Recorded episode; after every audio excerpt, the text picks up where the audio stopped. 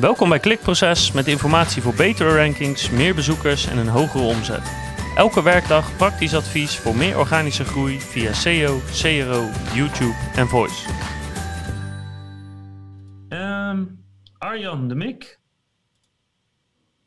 Even kijken. Hierdoor scoor je positie 8 op relevante keywords voor de desbetreffende landingspagina. Wat raad je in dit geval aan om die klim in posities toch nog extra te pushen om snel positie 1 te behalen? Ik snap alleen je hierdoor niet. Kan het zijn dat er een soort uh, spamfilter of zo op zit? Of, uh, of iets waardoor sommige comments er niet doorkomen? Ik heb geen, hè? Uh, ik, ik vat deze vraag even op als hij scoort op positie 8 voor een bepaald zoekwoord, voor een bepaalde landingspagina. Wat moet je gaan doen om die naar positie 1 uh, te pushen? Moet je dan alleen linkbeelden? Uh, moet je dan alleen linkbeelden? Of zijn er nog enkele stappen die je kan zetten om je onpage te verbeteren? Um, nou, zoals altijd met SEO, uh, het hangt er vanaf en ik heb je URL niet, dus ik kan je niet letterlijk een antwoord geven. Um, maar als je op positie 8 al staat, dan heb je al een heleboel dingen goed gedaan. Dus uh, sowieso kudo's voor jou. Oké, okay, daar is de rest. Wanneer je de on-page SEO van informatieve pagina goed hebt ingericht, lees binnen WordPress, geef Joost een groen lichtje aan. Oh god. Oké. Okay. Nou, um, Laat ik daar heel duidelijk over zijn. Oh jee, nu gaat het komen. De Joost SEO plugin, groene bolletjes, heeft helemaal niks te maken met goede SEO. En ik zie Roos ook lachen. Nee, dat is echt. Joost, de Joost SEO plugin is misschien wel de slechtste SEO plugin uh, die er zo'n beetje is. Nou uh, ja, zeg, wat ook... zeg je nu, Bart? Nee, ja, echt. Alleen al door de, de fout die ze, wat is het, vorig jaar hebben gemaakt. Zo, man, man, man. Waardoor ze even alle plaatjes op alle afbeeldingen gingen indexeren. Um, dus stop per direct met het uh, gebruiken van de Yoast SEO plugin als indicator voor of je SEO goed is of niet. Als je dat nu, als je dat dus doet, dan heb ik waarschijnlijk wel meteen concrete info voor je om het te verbeteren.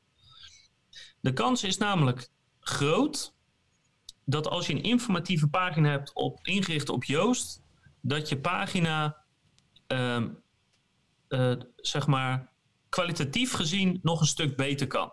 Want wat Joost gewoon doet, is die pakt je focus zoekwoord, hè, hondenkoekjes bijvoorbeeld, en die kijkt dan, nou, hoeveel woorden staan er op je pagina?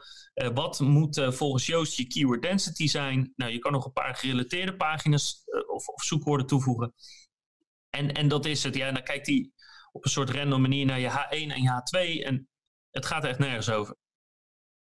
Wat ik je zou aanraden, is om naar je, de top 3 in Google te kijken. Om eens te kijken, wat doen die nu precies? En hoe kan ik beter worden dan dit resultaat? Want je bent als het ware al gevalideerd door Google. Je staat al nummer 8, dus je resultaat is al goed. Maar nu moet je beter gaan worden dan je concurrentie. Dat wordt je volgende taak. En dat betekent als je een informatiepagina hebt, dat je heel goed moet gaan kijken. Wat voor vragen stellen mensen? Um, wat, uh, waar geven die, die top 3 in Google misschien nog niet antwoord op, niet goed antwoord op? Uh, kan ik uh, betere afbeeldingen toevoegen die dingen uitleggen? Kan ik een klein tooltje maken die mensen helpen?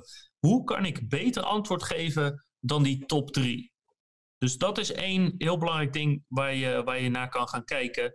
En uh, waar ik van gok dat je, dat je dingen nog niet goed hebt. Uh, het tweede is je zoekwoordverwerking. Want het grote probleem met Joost is dat hij een pagina inricht op een zoekwoord en niet op een onderwerp. Dus als we het bijvoorbeeld weer over de. Ik blijf gewoon die hondenkoekjes blijf ik houden. Um, als ik daar een zoekwoordenonderzoek voor zou doen. Ik, ik ga even een jingle zoeken voor hondjes uh, en, en, en hondenkoekjes. Ja. En zo, dit, dit gaat, uh, die um, heb ik ehm, nodig blijkbaar. Als, ja, nou ja, ze liggen hier voor mijn hond, dus vandaar. Uh, maar als ik een informatieve pagina ga maken over hondenkoekjes. en je doet daar een zoekwoordenonderzoek voor. dan begin je dus te kijken met.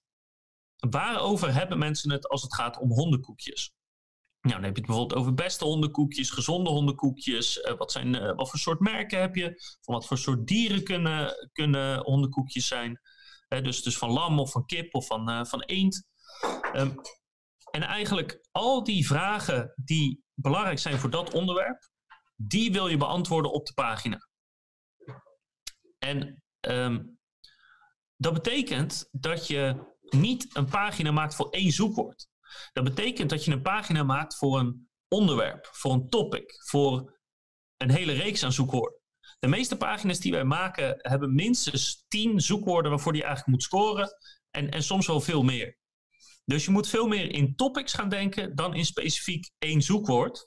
En door de, de andere gerelateerde zoekwoorden toe te voegen aan je pagina en je content te, te vergroten, te verlengen, beter te maken dan de concurrentie, dat gaat je heel erg helpen om hoger te scoren in Google. Omdat je een veel beter antwoord geeft, die veel meer gerelateerde zoekwoorden heeft, die veel duidelijker een, een, een, uh, een goed antwoord is op een onderwerp, dus op een hele range van zoekwoorden, ten opzichte van één specifiek zoekwoord. En natuurlijk gelden daar wel bepaalde regels voor van hoe je je zoekwoordverwerking doet en je AH1 en je H2, et cetera. Uh, maar, maar dat is moeilijk om zo abstract uh, te vertellen. Dan moet ik echt je pagina zien. Maar dat, dat is het eerste advies wat ik je zou geven. Um, en goede hondenkoekjes met CBD, ja. dat zullen die honden leuk vinden. Um, en het tweede is dat je, dat je dus uh, kritisch moet gaan kijken naar linkbuilding. Want uh, als je zegt, nou, volgens mij is het altijd gewoon goed, of hij is in net zo goed als de rest, dan kan linkbuilding echt het verschil maken. Dus als uh, de, de, de top 10 of de top die boven je staat in elk geval een pagina heeft die ongeveer hetzelfde is als jou, ze zijn allemaal ongeveer net zo goed, dan is linkbuilding een van de belangrijkste onderscheidende factoren om je omhoog te duwen. En dat zou kunnen betekenen dat als je drie maanden aan de slag gaat, dat je dan daadwerkelijk bovenaan kan komen te staan. Dat zou kunnen, afhankelijk van, uh, van de concurrentie. Uh, maar dan is wel de vraag of je een backlink checker hebt, die, waarbij jij, uh, jouw pagina kan controleren ten opzichte van de rest, om te kijken ja, of, of, dat mogelijk is of niet. Um, dus dat is eigenlijk het antwoord. Uh, als je het nummer 8 staat, ben je al heel goed bezig hoor. Dus het, het werk wat je nu moet gaan doen zit ook meer op de details. En de details worden belangrijker naarmate je hoger komt. Maar echt is heel kritisch gaan kijken naar je content. van mijn part, wat we met conversieoptimalisatie ook altijd zo mooi doen.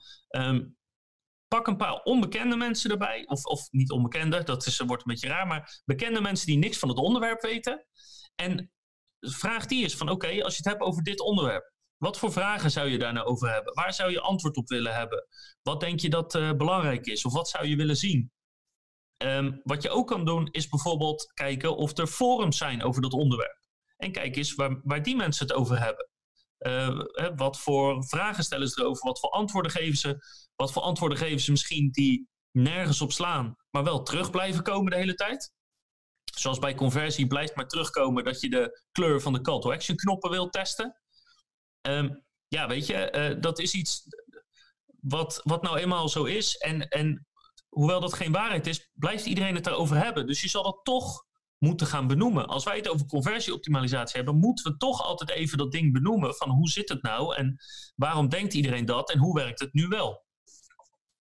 Um, dus dat zou eigenlijk mijn advies zijn. En uh, ja, weet je, van nummer 8 naar nummer 1, dat, dat, uh, dat zou vlug kunnen gaan als je, als je de goede stappen zet.